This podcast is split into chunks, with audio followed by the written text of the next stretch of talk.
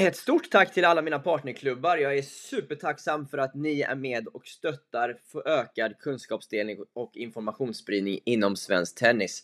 Åkersberga Tennisklubb, Helsingborgs TK, Söderslätts TK, Påvelunds Tennis Badmintonklubb, Söndrums TK, Ystads Tennisklubb och Danderyds TK. Tack så mycket till alla er för samarbetet.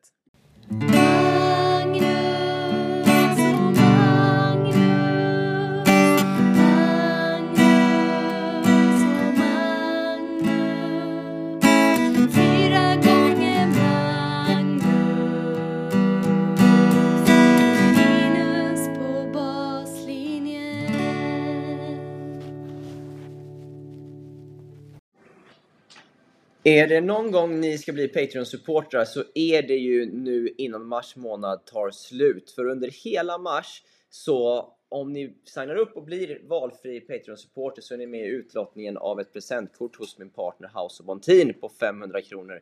Samt de 20 första får ett paket House of Bontin lindor och en dämpare. Så passa på att göra det och ni hittar länken i avsnittsbeskrivningen. Och dessutom så är ni med och stöttar att den här podden kan fortsätta att eh, finnas till och bara det är väl eh, mödan värd.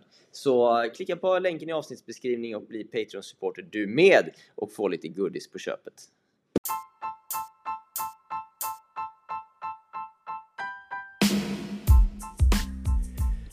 Bam, bam, badam. Dags för premiär för den nya poddserien Magnus vs Magnus. Kanske en liten variant av Alla mot alla, Filip och Fredriks bejublade succéshow. I den här poddserien så kommer fyra av vårt lands mest profilerade Magnus diskutera heta ämnen med varandra. Och i det här debutavsnittet så är det Magnus Enneberg, tränare på Academy of KLTK och en av landets mest respekterade tennistränare, som samtalar med Magnus Gusten Gustafsson som vi vet före detta världstia och DC-hjälte, idag entreprenör och grundare av bland annat Små Lirare och Klein Players, två bejublade tennisprojekt eller juniorprojekt i eh, Göteborgsregionen som sedan delvis har spridit sig ut i landet. I varje avsnitt av den här serien kommer två ämnen tas upp som är inskickade av er lyssnare som vi pratar om och kring. I det här avsnittet så är ämnena Tennisföräldrar, vem klarar att bli proffs utan föräldrars engagemang? Och det andra ämnet, ranking, rating och tävlingsformer. Inte så mycket mer att tillägga. Vi kör igång det här härliga samtalet. Första delen av Magnus vs Magnus med Enneberg och Gustavsson. Nu åker vi!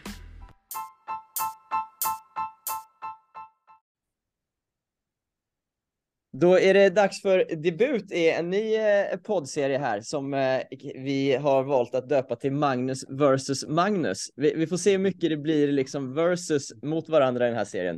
Eh, men, Magnus Enneberg, välkommen till det här avsnittet. Tack så mycket Linus.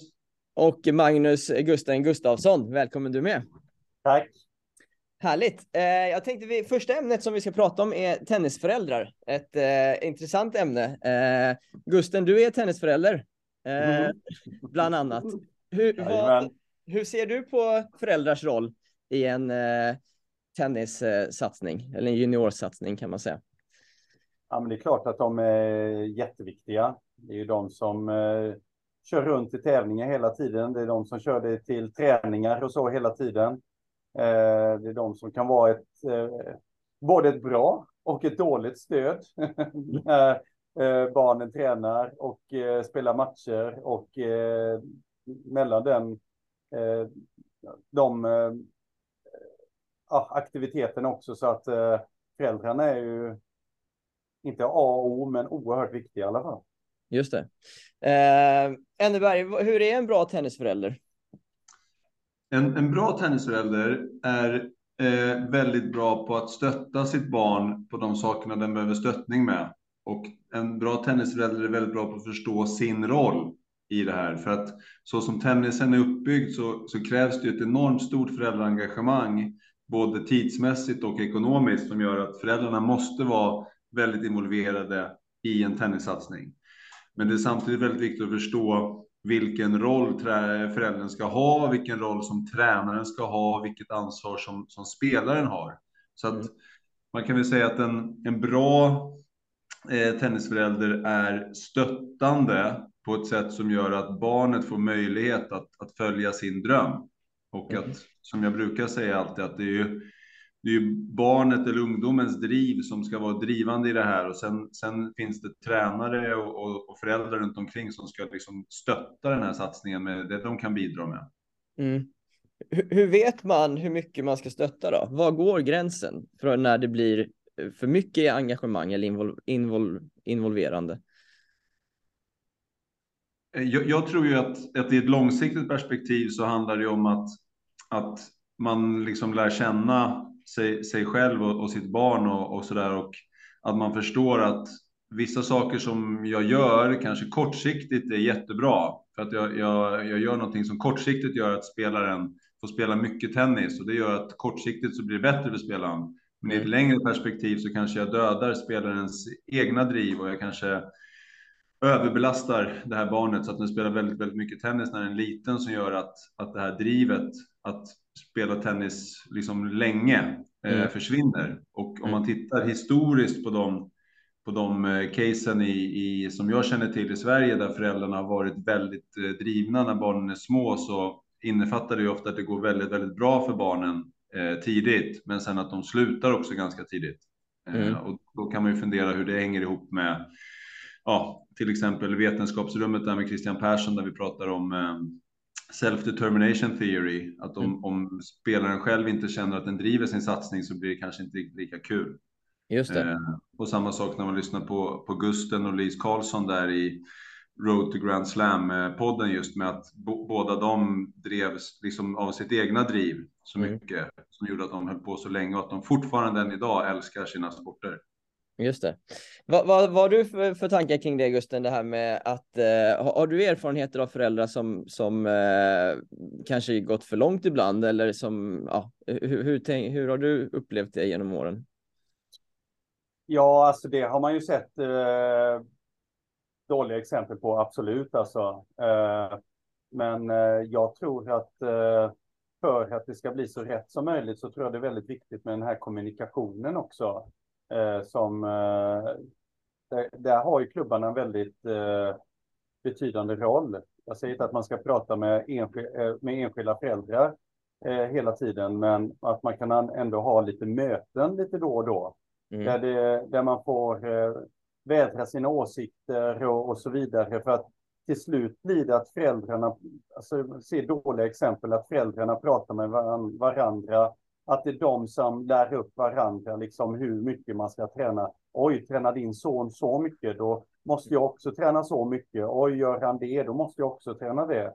Mm. Den diskussionen är ju oerhört viktig att ha liksom eh, titt som tätt, liksom, så att det inte går för långt. Det mm. finns alltid sådana som avviker mot vad klubbarna säger. Då kommer det alltid vara. Men mm. eh, om det, man, man ska ju försöka få så många som möjligt liksom att lyssna liksom på, på vad klubbarna säger. Och här, om jag går steget längre, mm. så tycker jag det är också viktigt från Svenska Tennisförbundet också att mm. visa bra exempel också på hur man ska vara som, som bra förälder. Och är det så liksom att vi pratar att de ska komma hur långt som helst i sin karriär, mm. eh, då till och med till, som proffs, Mm. Ge bra exempel då liksom på spelare som har lyckats. Hur mm. har de växt upp och så vidare då. Mm. Eh, så det, det tror jag är superviktigt. Just det. Du, du har ju involverat föräldrarna en hel del i, i eh, till exempel små lirare att eh, hålla i träningar och hålla i, i vissa delar av det konceptet. Var, varför har du valt att göra det, Gusten? Och hur har det funkat? Nej, men än så länge tycker jag det har funkat väldigt bra här i Göteborgsområdet. Eh, jag, jag vet inte riktigt hur det har funkat när det var i Malmö och Stockholm, men här i Göteborgsområdet där jag har sett har det funkat superbra. Eh, vi, ja, eh, vi har varit tydliga också liksom innan vi har sjösatt de här olika grupperna. Och det här har jag gjort helt enkelt för jag har inte tid. Vi har, jag tror det är 220 barn nu så jag kan inte ha koll på allihopa där. Jag kan inte ha koll på alla grupperna och så vidare. Så jag behöver ju föräldrar då som hjälper till då liksom på de här olika träffarna vi har. Mm. Det tror jag föräldrarna, ju mer de involverar sig, desto roligare tror jag de tycker att, att det är också. Mm. Eh, och, men här är jag också väldigt noga då liksom med vad, vad, vad har vi för värdegrunder? Vad är det för värdeord vi, vi arbetar efter och, och så vidare då. Och det, det sprider ju sig genom gruppen också. Mm. Det, det svåraste ofta är liksom det att få igång allting liksom. Men, men nu rullar tåget ganska bra. De, de som kommer in då liksom, de, det blir mer naturligt eh, då för de, de nya grupperna liksom att arbeta som de äldre grupperna har gjort också eh, då. Mm. Eh, jag bara nämna ett bra exempel som jag tror man skulle kunna göra här som, som vi gjorde för ett antal år sedan och som man egentligen borde göra oftare. Det är det att man, man bjuder in gamla idrottare och deras föräldrar. Mm. Och, så- och så får eh, föräldrarna ställa frågor, alltså nuvarande tennisföräldrarna ställa frågor då till, till de här eh, äldre idrottarna eller de idrottarna som har lagt av. Mm. Vilka, vad de gjorde bra tyckte de och vad de gjorde dåligt. Man pratar med idrottare, man pratar med föräldrarna och så vidare. Så det framkom väldigt mycket bra saker när vi hade de träffarna. Så att det är bara ett litet tips tror jag, till, till klubbarna att göra. Eh, Magnus, du, när du jobbar mer med, med elitspelare på lite, i lite högre åldrar, hur, mycket, hur, har din, hur är din kontakt med föräldrarna där? Hur mycket an, eh, engagerar du dem? Enneberg i det här fallet då. Magnus. Eh, nej, men, nej, men med, man kan väl säga så här generellt om man pratar med, med juniorutveckling. Mm. Så innan jag började på Kungliga så hade jag inte så många spelare. Så då hade man väldigt tät dialog med föräldrarna hela tiden. Mm. Sen när jag började på Kungliga så, så blev det ju väldigt många spelare. Och Mm. då, då var det ju svårt att ha en, en tät dialog. Så att då blev det ju mest att man hade kontakt med spelarna direkt Mm. och sådär. Eh, men men jag, eh, jag försöker då med de spelarna som jag är ansvarig för, juniorer, att jag försöker ha väldigt mycket kontakt med föräldrarna. För Mm. jag, jag tycker att föräldrarna har så otroligt viktig roll. Och om, om, om jag som tränare står och, och pratar om någonting som jag tycker är väldigt viktigt, om, om jag inte kommunicerar det med föräldrarna så kanske det, det sägs tvärt emot sen vid middagsbordet och då, då får man ju inte den effekten man vill. Så att jag tror att när vi jobbar med juniorer så, så är det väldigt viktigt att man har en, en bra kommunikation och att, att föräldrar och, och spelare och tränare ser på liksom sakerna ur samma perspektiv. Att det här, är, det här är vår målsättning, det här är det vi ska göra den här terminen och vi ska göra det på det här sättet. Mm. Eh, sen om man jobbar med elitspelare som som är vuxna så har man ju inte samma mängd med, med, med kontakt med föräldrar då, för då är ju spelarna vuxna. Men jag tycker just i, i juniorfasen så är det ju väldigt, väldigt viktigt att, att kunna ha mycket dialog med föräldrar och ja, ha, ha möten och sådana saker för att, att man ska få tiden att prata igenom eh, alla saker med varandra. Förändra... Jag, jag, jag, för jag, ursäkta Linus, jag avbryter här. Eh, för den här punkten tycker jag är så oerhört viktig och jag, det känns som att vissa klubbar gör, eh, har den här kommunikationen bättre än andra klubbar. Men det Mm. handlar ju också liksom hur mycket tid, tid man har till att kunna lägga ner eh, det jobbet som vissa klubbar gör. Mm. Så att här har ju styrelsen en väldigt viktig roll också, så man inte bara tittar på pappret. Oj, den tränaren ska ha så och så många timmar. Men man tänker inte liksom på vad mycket, hur mycket jobb det finns utanför här också. Så att Mm. den kommunikationen, eh, tränare, styrelse, den är nog viktigare än man tror också faktiskt. Mm. Att det ska funka. Just det. Sen, sen tror jag generellt också just där om, om, om man som tränare förstår att föräldern då liksom, den vill ju bara väl. Allt en förälder vill är just det bästa möjliga för sitt barn. Mm. Men sen om den inte har kunskapen att förstå hur den ska göra för att hjälpa sitt barn, så kan det bli så att den gör saker som är kontraproduktiva. Och då är det ju tränarens uppgift då att försöka ha föräldrautbildningar eller ha föräldramöten eller tipsa om eh, poddar eller böcker som man kan läsa för att liksom, en förälder vill ju bara väl. Så att det Mm. handlar om att vi- vi måste ge föräldrarna chansen att, att utvecklas och att samtidigt att föräldrarna måste få möjlighet att liksom, ja, lyfta sina funderingar, lyfta Mm. sina tankar. För de, de har ju ett unikt perspektiv, för de, de känner sitt barn bäst och, och sådär. Och mm. sen är det mitt jobb som tennistränare att, att utifrån det som jag kan försöka säga att jag, jag tror vi ska göra på det här sättet, för det, det är bäst ur ett tennisperspektiv. Mm. Men när du pratar om föräldrautbildning där, hur, hur, hur, eh, hur, tycker du att en sån, eh, att man ska jobba med den biten? Är det genom eh, ett, ett möte per termin liksom, eller är det något mer kontinuerligt? Eller hur, hur utbildar man föräldrar till att bra, bli, förstå hur det är att vara inom tennisen? Är det till mig? Ja, kör du. Eh, nej, men, men jag har två tankar där. Dels har jag ju ett, ett nationellt system så jag tänker att om, om vi har, som jag vet att de gör i Region Stockholm med, med Martin Tyllman till exempel, att man, man har som ett utbildningsmaterial som är liksom standardiserat så att alla klubbar eh, behöver inte ta fram sitt egna material, utan det finns liksom ett grundmaterial som man kan använda i sin föräldrautbildning mm. så att vi vet att ja, föräldrarna i svensk tennis får den här informationen. Och mm. där tycker jag även att man skulle kunna skapa då från, från nationellt håll en, en lathund kan man säga så här att om, om ditt barn är så här gammalt och vill börja spela Tennis Europe, mm. då, då, finns de här sakerna. Är ditt barn så här gammalt och vill börja spela ITF, då är det de här sakerna att ha koll på. Och om man skulle kunna presentera det under ett SM eller liksom ett Salk Open eller sånt där, så man använder liksom tillfällen där alla föräldrar är samlade för mm. att ge information till föräldrar att tänk på de här sakerna, de här reglerna måste ni ha koll på. För nu är det ju upp till varje klubb mer eller mindre att göra det här själva. Och då finns det vissa klubbar som, som kanske har jättebra system för att utbilda föräldrar och, och som Gusten säger, vissa klubbar så hinner man inte det, för det är fullt upp med att stå på banan och, och fixa tävlingar och liksom fixa anläggningen och så ska man lägga på massa föräldramöten så, så helt plötsligt jobbar man 60 timmar i veckan. Så att mm. det måste ju vara på ett rimligt sätt.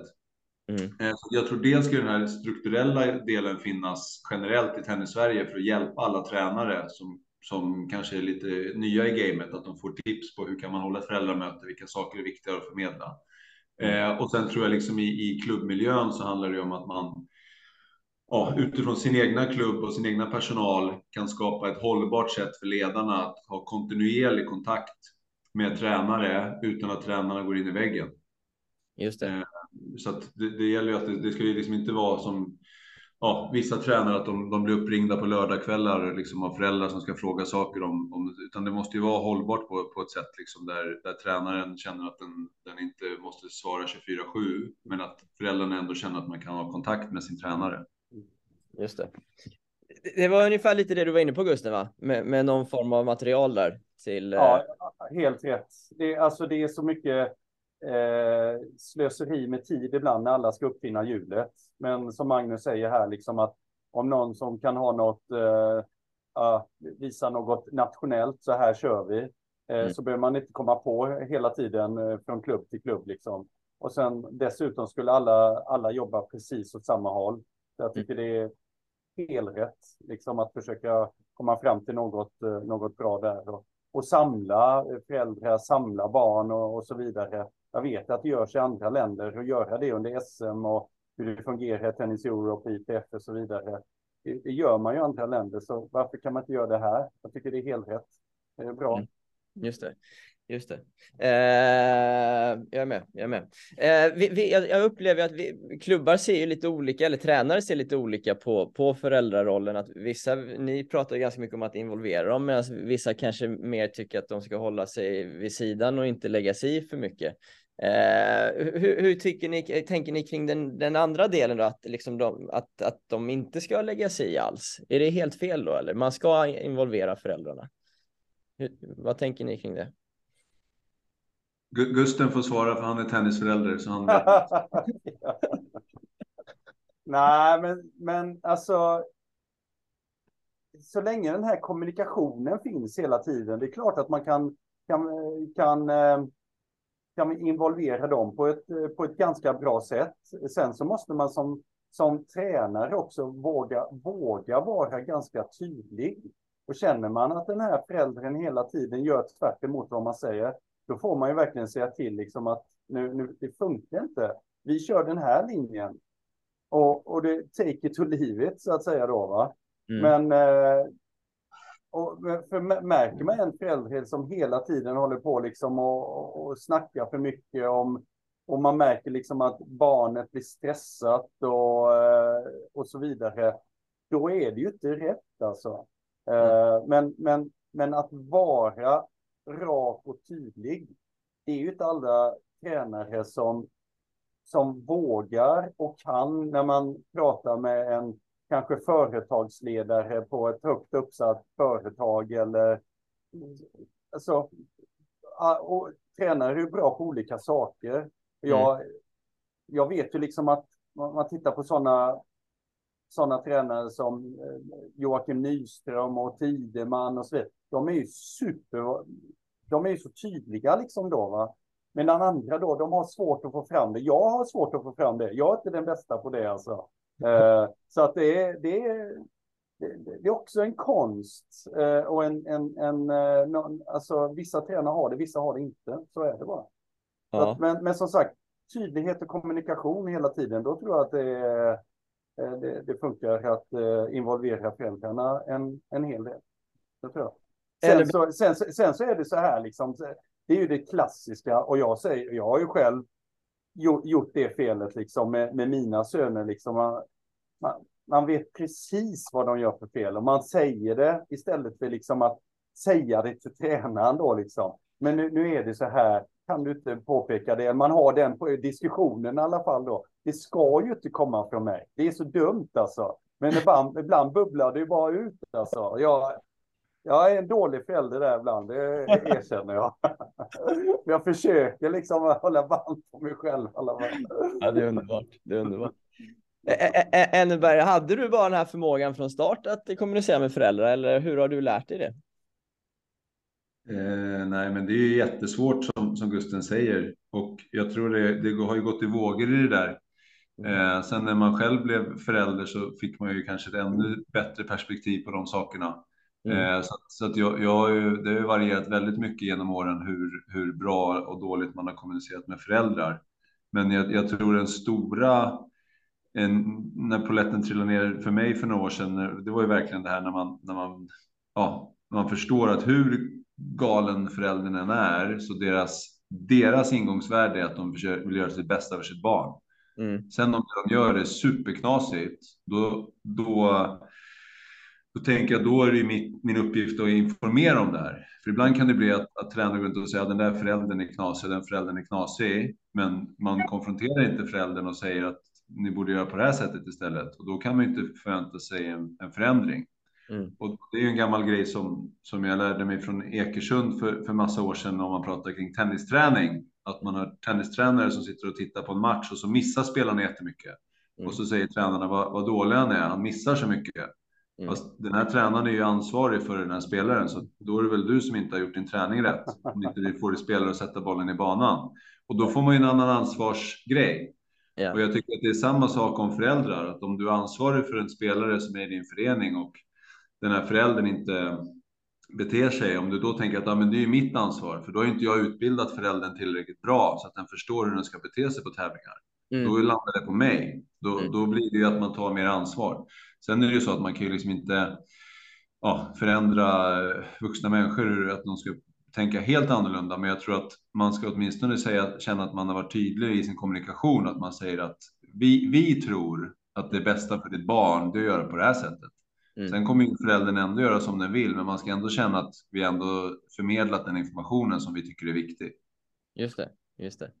Tror, tror ni att eh, föräldrarollen kommer förändras någonting i framtiden i en spelarutveckling? Eller hur kommer den att utvecklas inom tennisen?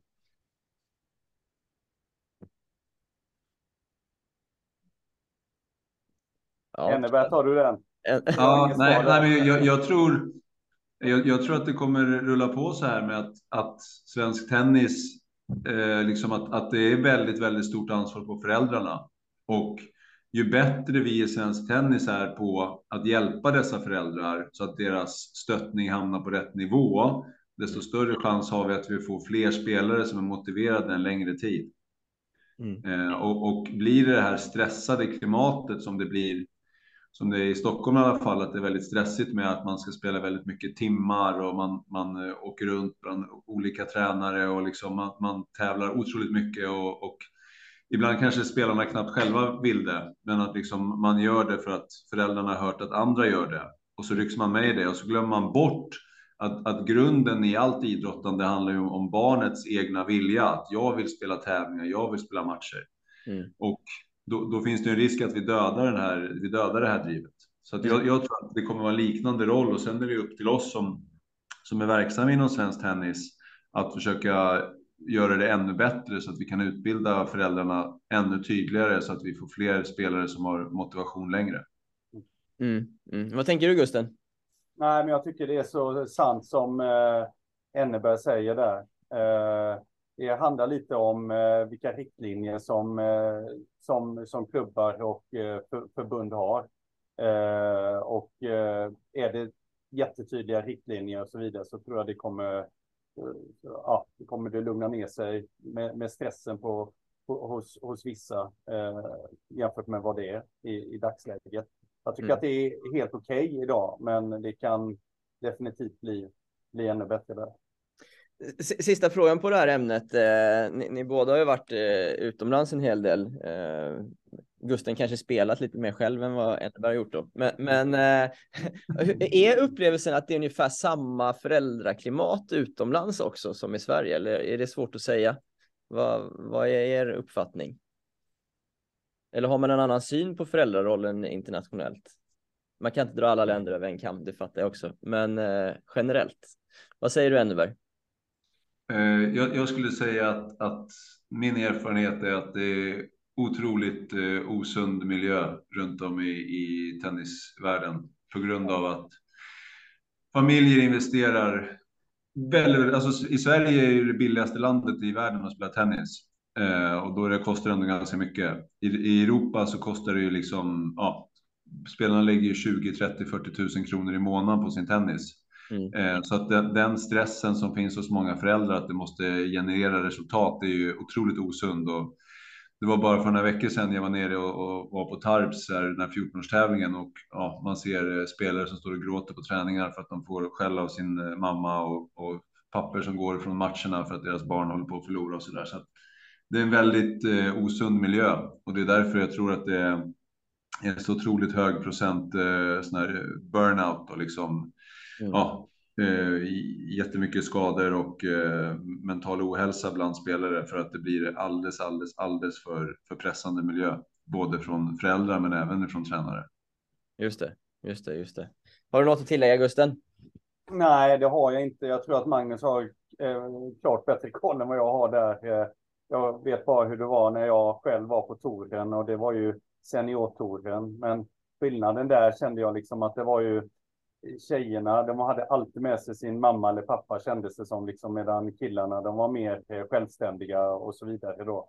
Mm. Så där märkte man liksom att de var mer, eh, de, de gjorde, det kändes som de gjorde lite mer vad, vad, vad föräldrarna sa och så vidare, var mer styrda där liksom, medan det var mer självständig miljö bland, mm. bland, bland, bland killarna. Men jag har inte den Visst, jag har varit på ett par juniortävlingar med, med, med min son, liksom, men jag har inte tillräckligt. Jag har, inte, jag har bara varit ett par stycken, så jag, jag kan inte säga så mycket. Jag är med. Mm. Jag är med. Då tycker jag vi går på nästa ämne här istället.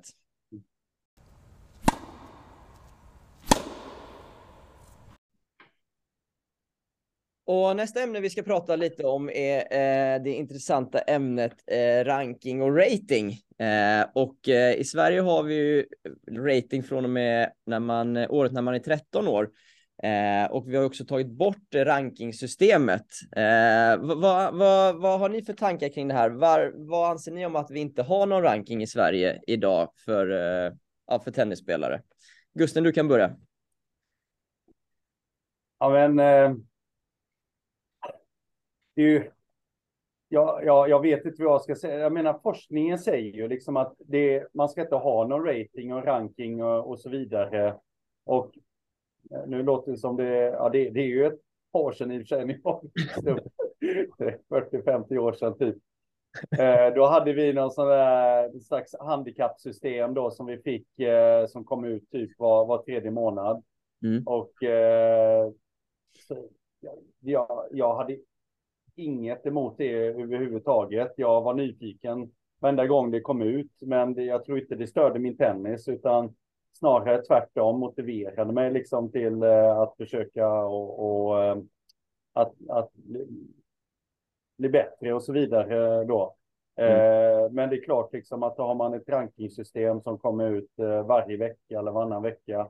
Det kan säkert stressa, stressa både föräldrar och barn liksom så att Eh, men ja, det, det är ju samma med resultat och sånt också liksom. Det, man ska ju inte ha några resultat säger man eller vi visar resultat upp till 13-årsåldern och det tycker jag, jag, jag, måste säga, det tycker jag är galet. Att, eh, jag, jag motiverades väldigt mycket av resultat. Jag har kvar mina, mina JSM-resultat från eh, när jag var 11 år och de här, alltså, för, för mig var det jätteviktigt. För mm. mig var det ju det som gjorde att jag ville fortsätta just med tennis eh, och så vidare då. Men eh, alla, alla är olika. Om, om forskningen säger en sak liksom, så, så är det väl så. Det, det är svårt att säga emot den. Ja. Henneberg, du som är påläst på forskningsrapporterna, vad säger forskningen kring det här? Ja, det var ett tag sedan jag läste de där rapporterna, men generellt kan man ju säga då att det blev en, det blev en misstolkning när, när den här eh, slog igenom där, för det tolkades ju av folk som att man inte skulle få tävla. Alltså det, men, men tävla får man ju göra. Det, det som de ville ta bort från, från RF, som, som min tolkning är, det är ju det här med att att man inte behöver ha tabeller när de är yngre. Att om mm. du är liksom en 11-årig fotbollsspelare och så spelar du en match i maj, att den ska liksom inte påverka dig i september, utan att du ska ju spela matcherna, men att det är här liksom sammanhängande tabellerna som, som de ville frångå. För det var ju det som gjordes sen då i, i ja, enligt dem då att då började ju tränarna toppa sina lag när barnen var små i fotboll och hockey för att de ville komma högt upp i sin tabell fast barnen var 11-12 år. Så det, det är ju liksom en av orsakerna till att de, de har tagit bort det här. Um, ja, och sen som, som um, Gusten säger där, spelare drivs ju ofta väldigt mycket av att man vill vinna och sådär. Mm. Uh, så vinna får man ju göra. Det är ju tävlingar och matcher som man får vinna, men det som är lurigt blir ju det här eh, som vi har nu med, med ratingsystem och allt det där för någonting, det är ju när, när spelare undviker att spela vissa matcher eller vissa tävlingar för att det ska påverka en rating. Och då tänker jag, då, då har vi hamnat så otroligt snett på det så att det, då har vi liksom missat hela syftet med juniortennis. Att juniortennis handlar ju om att spela massa olika matcher där du är favorit ibland och du är underdog ibland och det är 50-50 ibland och, och du får spela de här olika matcherna eh, med olika utmaningar. Mm. Eh, och, och, nu hör man ju väldigt ofta från, från spelare och föräldrar att, att den här ratingen tror man ju är liksom syftet med tennis. Att hur gör jag för att få bästa möjliga rating? Mm. Och, och, det tycker jag är väldigt olyckligt. Eh, både liksom för, för spelarna och, och för svensk tennis.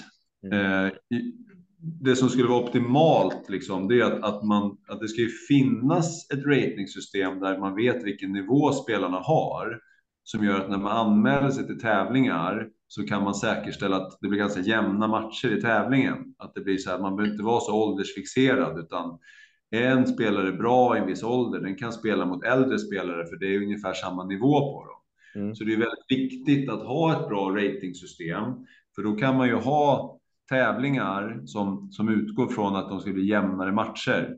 Mm. Men om det blir så att stressen av de här ratingpoängen gör att, att spelare inte spelar vissa tävlingar eller ja, som jag har hört nu, jag vet inte om det stämmer, men, men att liksom, oavsett om du vinner eller förlorar matcher på Tennis Europe så är det ju bra för din rating för vissa spelare. Så att bara du åker iväg och spelar Tennis Europe så får du bättre rating. Jag vet inte om det stämmer, men om det stämmer så är det helt eh, barockt. Mm. Så att, eh, ja, vi måste ha någon form av rating eller ranking eller vad man ska kalla det för att kunna göra bra tävlingar. Mm. Men sen måste vi samtidigt utbilda spelare och föräldrar i att det är inte därför vi spelar tävlingar.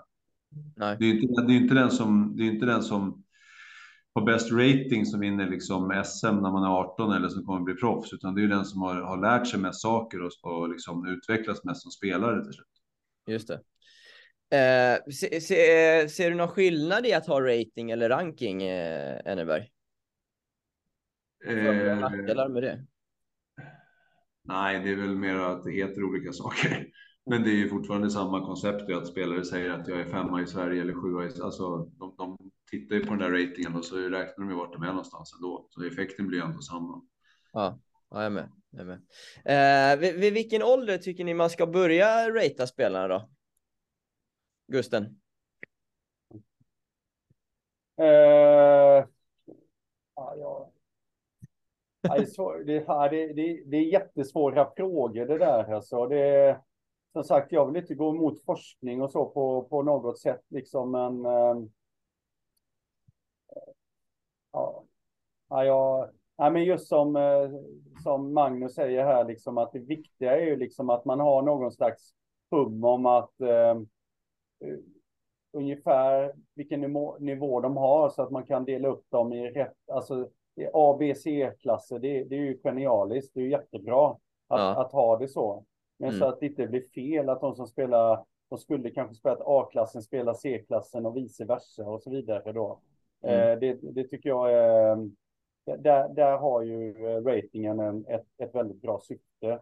Mm. Eh, eller som nu, liksom jag håller på att pussla ihop en hel del läger för små lirare här liksom i, eh, eh, nu, nu till våren. Och då är det ganska bra för mig att veta ungefär vilken nivå de har så att de här lägren blir någorlunda vettiga, om man säger då, liksom, så att inte eh, någon kommer med något lag och där alla matcher blir 6-0, 6-0 eh, och, och köra det en hel helg, det ger ju inte så mycket liksom, eh, då, för någon, tror jag då. Va? Nej. Här, här tjänar ju ratingen sitt, sitt, sitt syfte då, liksom.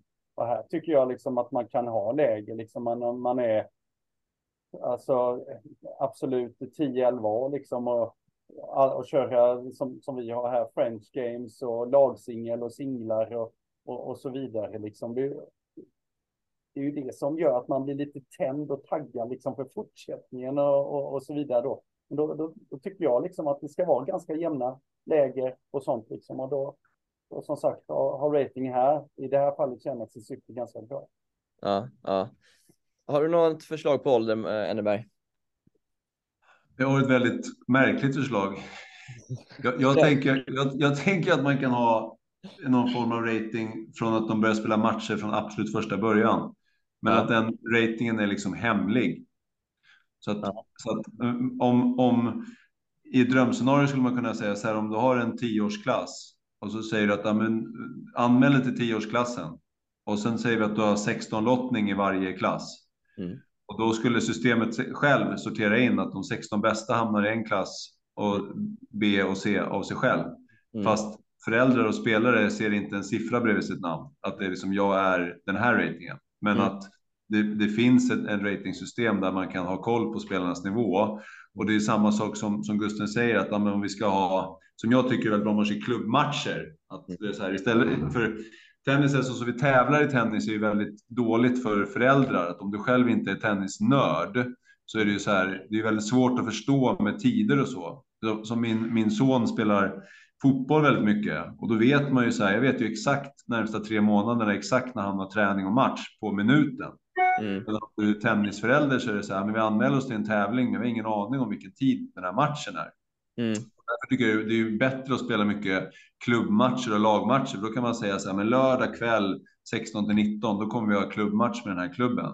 Mm. Och då, om jag som är tränare och tränar i den andra klubben, då kan ju vi matcha våra spelare mot varandra. Precis. Så att vi vet att ja, men det blir liksom jämna matcher. Våra spelare på den här nivån och då kan tränaren i den andra klubben säga, ja men då kommer vi med de här, för då blir det hyfsat jämna matcher. Mm. Så att jag, jag tror liksom att det, det man skulle, ja, liksom ett, någon form av ratingsystem skulle kunna komma in direkt när spelarna börjar tävla, men det behöver inte göras officiellt att det ska ligga ute på någon hemsida, utan det ska finnas liksom på förbundet eller hos klubben.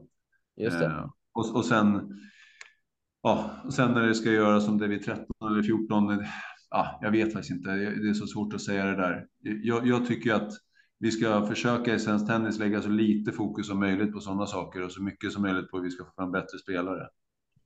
Jag, bara, jag, jag, tycker det är jättebra det du sa. Jag vill bara lägga till någonting som jag tror kan hjälpa till lite här i, i framtiden. För att i tennis så är det ju väldigt resultatfixerat på grund av, alltså jämför det med judon till exempel då. Där är det ju att man måste ju ha vissa kunskaper för att få från vitt bälte till gult bälte till och så vidare då va. Och det är egentligen det tennisen, det skulle också vara så här drömscenario, när du lär dig mer de tekniska sakerna och så vidare, så kommer du längre i din utveckling. Mm. Och här har ju faktiskt förbundet är ju på gång här med, med, med Pontus Bergevi och, och Ola Mårtensson tagit fram något som heter checkpoint där liksom du kollar liksom de olika eh, kvaliteterna då liksom på, på hur långt du har kommit i din utveckling då. Och det kan ju bli så till slut liksom att du det det skiftar kanske inte så mycket fokus och det tar helt bort resultaten. Men det tar bort lite fokus i alla fall. Liksom då. För det skulle jag, alltså, jag tänker ju tillbaka till mig själv. Om jag skulle varit en nioåring eller tioåring så vet jag liksom att ha, nu ska jag utveckla det för att komma till nästa nivå, nästa nivå och så vidare. Då, mm. då tar man bort det här, den där resultatfixeringen lite, lite grann i alla fall. Då.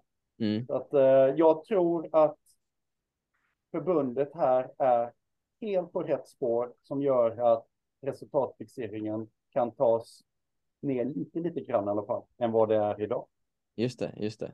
Samtidigt minns jag du Gusten, du sa ju när du var ung att du, du triggades ju av resultat också. Att, mm. eh, att liksom det blev en motivationsfaktor för dig. Mm.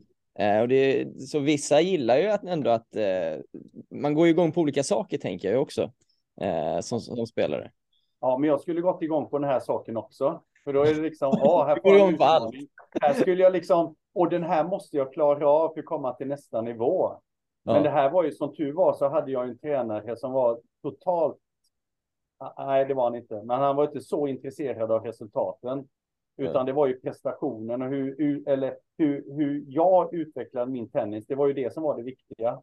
Som mm. tur är kan jag säga, för skulle vi varit likadana, det skulle vara nog lite jobbigt alltså. Det tror jag. ja, jag med. Eh, om, man, om vi går tillbaka till, till själva ratingen där, det finns ju andra rating och rankingsystem också. Vad, vad hade det funnits för för och nackdelar med, med till exempel ett UTR-system, eh, tänker ni? Enneberg, du kan börja. Ja, jag, jag tycker UTR är väldigt bra eftersom det är det bästa logaritm, logaritmerna så att säga. Någon som säger sådana här matematiska termer. Det, det, visar ju tydligast på spelstyrka. Mm. Där, där, kan man ju se liksom, ja, så till exempel man kan titta på att ja, men de, de bästa college-spelarna, vilken nivå de håller och så kan man se att de håller ju väldigt hög nivå på ATP och VTA. Det kan man ju se fast att de inte spelar på ATP och VTA-touren till exempel. Mm. Eh, så att man, man kan ju liksom använda UTR som eh, ja, för, för att se spelares nivå. Det är ju det bästa systemet för det. Ja. Ja, jag håller med dig också. Det enda, det enda det är, det kan vara stressande i och med att det uppdateras så hela tiden om man tänker för mycket liksom vilken eh, decimal man har i, i dagsläget eh, och så vidare då. Eh, ja. Men, men det som är bra också med det här systemet är ju att, att tar man fler game mot en duktig spelare, då, då påverkas ju inte logaritmen för mycket liksom om, eller decimalerna för mycket om man förlorar och så vidare då liksom. Så varje game räknas. Och det gillar jag också med det här systemet. Det tycker jag är superbra. Ja. Ja. Och där, där tänker jag ju samma just det här med, med faran när det blir för mycket fokus på det hos spelarna. För där kan man ju märka ibland att om spelarna har koll på det här själva och så har de själv en viss UTR och så möter de en spelare som har eh, mycket sämre UTR, att då blir det väldigt, väldigt stressat för då måste de vinna med 0-0 och samma sak om de möter en spelare som har mycket bättre UTR så, så blir det som att ah, men nu är det kört för den här spelaren, motståndaren är så mycket bättre än mig. Så att jag tror ju, som jag sa tidigare, där, att som, som spelare så ska man nog försöka ha så lite fokus som möjligt på just de här siffrorna och mer fokus på vad man gör på banan. Men, mm. men, för en tränare som ska sätta upp ett, ett läger eller matchspel så är det jättebra att ha UTR som, mm. som riktmärke. Mm. Vi, ni var inne på det här med att i, i vissa tävlingar i Sverige att det finns A, B och C-klasser och eh, jag upplever det har väl varit att spelarna får väl anmäla sig själva i vilken klass de vill, vill spela i. Eh, har det funkat bra upplever ni som varit mycket på de tävlingarna? Jag, jag har inte varit så mycket på sådana tävlingar, men, men jag vet ju att eh, en sak som har hänt lite grann i Stockholm i alla fall, det är att, att väldigt bra yngre spelare, alltså de som är kanske 8, 9, 10, spelar ju 12C. Och då, då ja, det kan ju bli negativt för en spelare i 12C som kanske spelar sin första tävling och så får man stryka någon som är fyra år yngre. Så det blir mm. kanske inte jätterolig upplevelse. Eh, så att det, det, är ju en problematik där tycker jag kring yngre spelare som är väldigt bra. Framförallt på tjejsidan. Om du är en ung tjej som är, ligger väldigt långt fram så är det väldigt svårt för dig att hitta bra matcher. För det, det blir att du måste antingen måste du gå upp i årskullarna mm. och så får du spela med fel boll mot, mot tjejer som är dubbelt så stora som dig. Mm. Eh, så så det, det, är lite problematiskt. Okej, okay. men, men i övrigt i äldre åldrar så har det funkat bra att man väljer. Ja, men jag, alltså, som, som, som, som koncept tycker jag att det är väldigt, väldigt bra för att du, du får ju den här att du får tävla på din nivå och sen som, som tennisen är om man säger att, ja, att man får eh, spelare som kanske inte är på nivå att vinna tävlingar men att de får vinna en B-klass och vinna en C-klass och stå där med en pokal och det är väldigt motiverande för dem och det är motiverande för deras klubbar som, som eh, får lägga upp pokalbilder på Instagram och så där. Så att eh, det, det är ju många som blir glada över det. Många likes, ja just det.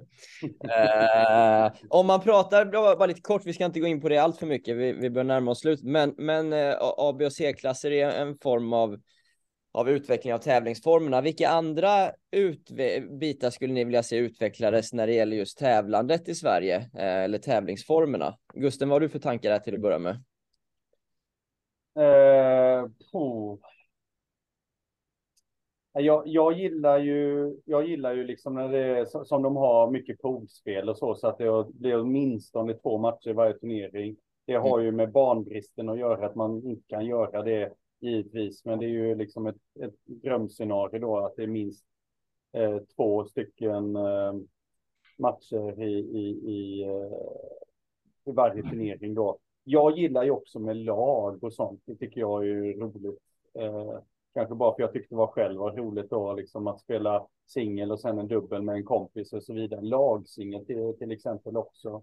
Det tycker mm. jag också. Eh, och jag, jag, märker det på mina barn till exempel. Min äldsta då, han bara älskar ju att tävla. Han är ju en så här, oh, ska bara tävla, tävla, tävla då liksom. Medan min yngre då liksom, ja, ena dagen tycker han om att tävla, men sen så, så vill han köra French games och så, så vidare liksom. Att även de som är kanske inte lika passionerade på, på att tävla då, hitta en French Games-turnering och så, lite sånt också. För här är vi också så här liksom väldigt olika hur vi är liksom som eh, vi, vi, Vissa bara älskar det där med tävlandet, vissa tycker det där andra runt omkring är roligt. Så att det finns också så här liksom saker som man kan göra under turneringarna som Mm. Hitta på både för föräldrar och barn också, men det är ju också självklart en, en eh, både kostnadsfråga och tidsödande om man ska hitta på saker där också. Men, men ja, så, lagsingel, French Games-turneringar, lite, så, lite mer sånt. Det tror jag skulle, skulle locka väldigt många och, och fortsätta ännu längre. Vad har du för förslag, Enneberg? Nej, men jag är helt inne på Gustens linje också, att man vågar tänka utanför boxen lite grann. Och vi vet ju till exempel som, som Helsingborg gör där med Mackan Lindberg och Anna Nyman med deras dubbeltävlingar, att de liksom ja, verkligen skapar en, en fest av det med musik och, och massa häftiga grejer så att det blir en, en happening. Mm. Och ja, sen det här med att det finns det är ju svårt med banor och så i, i storstäderna, men att man försöker göra saker som antingen med en backdraw eller så att det blir fler matcher eller poolspel. Och man kan även fundera kring det här med anmälningsförfarandet då, att ja, det är långt från anmälan till att tävlingen börjar, så det blir väldigt mycket VO och så vidare. Liksom om, man, om man kan tävla i, i de yngre klasserna med Ja, så min, min kompis har en, en, son som spelar pingis och då signar de ju in samma dag som tävlingen och så åker man till hallen och så har man tävling i, i fyra timmar och sen åker man därifrån och så spelar man massa, massa korta matcher. Mm. Så att jag tror ju att ja, man kan tävla på många olika sätt. Eh, och, och liksom beroende på vilken klubb man har och vilket, vart man är i Sverige så kan man nog hitta sitt egna system. Jag tror framför allt att man ska våga tänka nytt. Man ska våga tänka så här. Hur kan vi, vi vara tydliga med vilken tid det är så att det är många föräldrar som det är lätt för föräldrarna att förstå det här. Det här är min match kommer vara. För, för om det blir som ja, vissa tävlingar. I höstas var det en, en tävling i Stockholm där spelarna spelade efter midnatt på vardagar. Och om de föräldrarna som var där, om, om de inte är tennisfanatiker, då kommer de ju sluta spela tennistävlingar för att det, det är liksom, deras vecka blir helt förstörd av att en tennisklubb arrangerar tävling på ett felaktigt sätt. Mm. Så att det är så otroligt viktigt att vi arrangerar tävlingar som gör att inte bara tennisnördarna tycker det är kul med tennistävlingar, utan även en förälder som inte är tennisförälder tänker att ah, vilken, vilken kul grej det här är. Det är tre timmar på lördag, jag vet när jag ska lämna, jag vet när jag ska hämta. Eh, det kommer vara massa matcher ja, och roliga grejer. Så jag, jag tror att vi, vi måste liksom, ja, in, inte bara göra som vi alltid har gjort, utan måste tänka hur vi kan maximera eh, och, och liksom göra saker ännu roligare och smartare. Just det, jag med. Men det är på gång. Ja, jag, jag tror det och jag vet ju att, att Tennisförbundet har ju pratat mycket om det här om tävla i lagformer och sådär. Mm. Eh, som Gusten säger också, det tror jag också är otroligt viktigt. För som det är nu så har vi tagit liksom vuxen, vuxensättet att tävla med ett lottningsträd om man åker ut och så har vi bara flyttat ner det till barnen och sagt att så här tävlar man i tennis. Mm. Medan jag vet som i, i basketförbundet till exempel har de ju då spelar man ju matcher, men de har ju också sådana här liksom skills-event, att de träffas och ska dribbla på olika sätt och skjuta på olika sätt. Och liksom det, det, det är ju ja, fantastiskt sätt att tänka ur barnens perspektiv. Ja, ja. Det låter häftigt. Typ ja. serva hårdast då. Ja, precis. Ja, just det. Trixa på racket. Jag ja. eh, Magnus och Magnus, eh, tack så jättemycket för att ni tog er tid att vara med i den här delen. Tack så mycket Linus. Tack själv. Tack, Tack Ja, det där var alltså första delen i den här serien som jag eh, får erkänna att jag är ganska stolt över att kunna få presentera på Linus på baslinjen. Magnus vs Magnus, idag alltså med Enneberg och med Gustavsson. Två heta ämnen, tennisföräldrar och ranking, rating, tävlingsformer. Det känns ju som att de allra flesta är överens om att UTR hade varit det bästa ratingsystemet. När får vi se svensk tennis göra vad vi kan för att hänga med i den internationella konkurrensen och helt enkelt eh, införskaffa UTR? Ja, vi får se om det kommer att ske eller inte helt enkelt. Eh, inom kort eh, inom eh, väldigt kort så släpps nästa del i den här nya serien med två, två eh, med en ny lineup Magnus som står redo att ta sig an nya heta ämnen.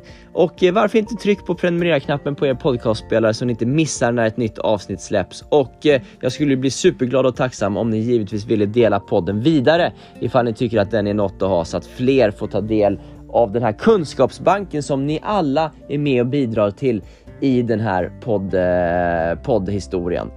Tack för idag. Vi hörs inom kort igen.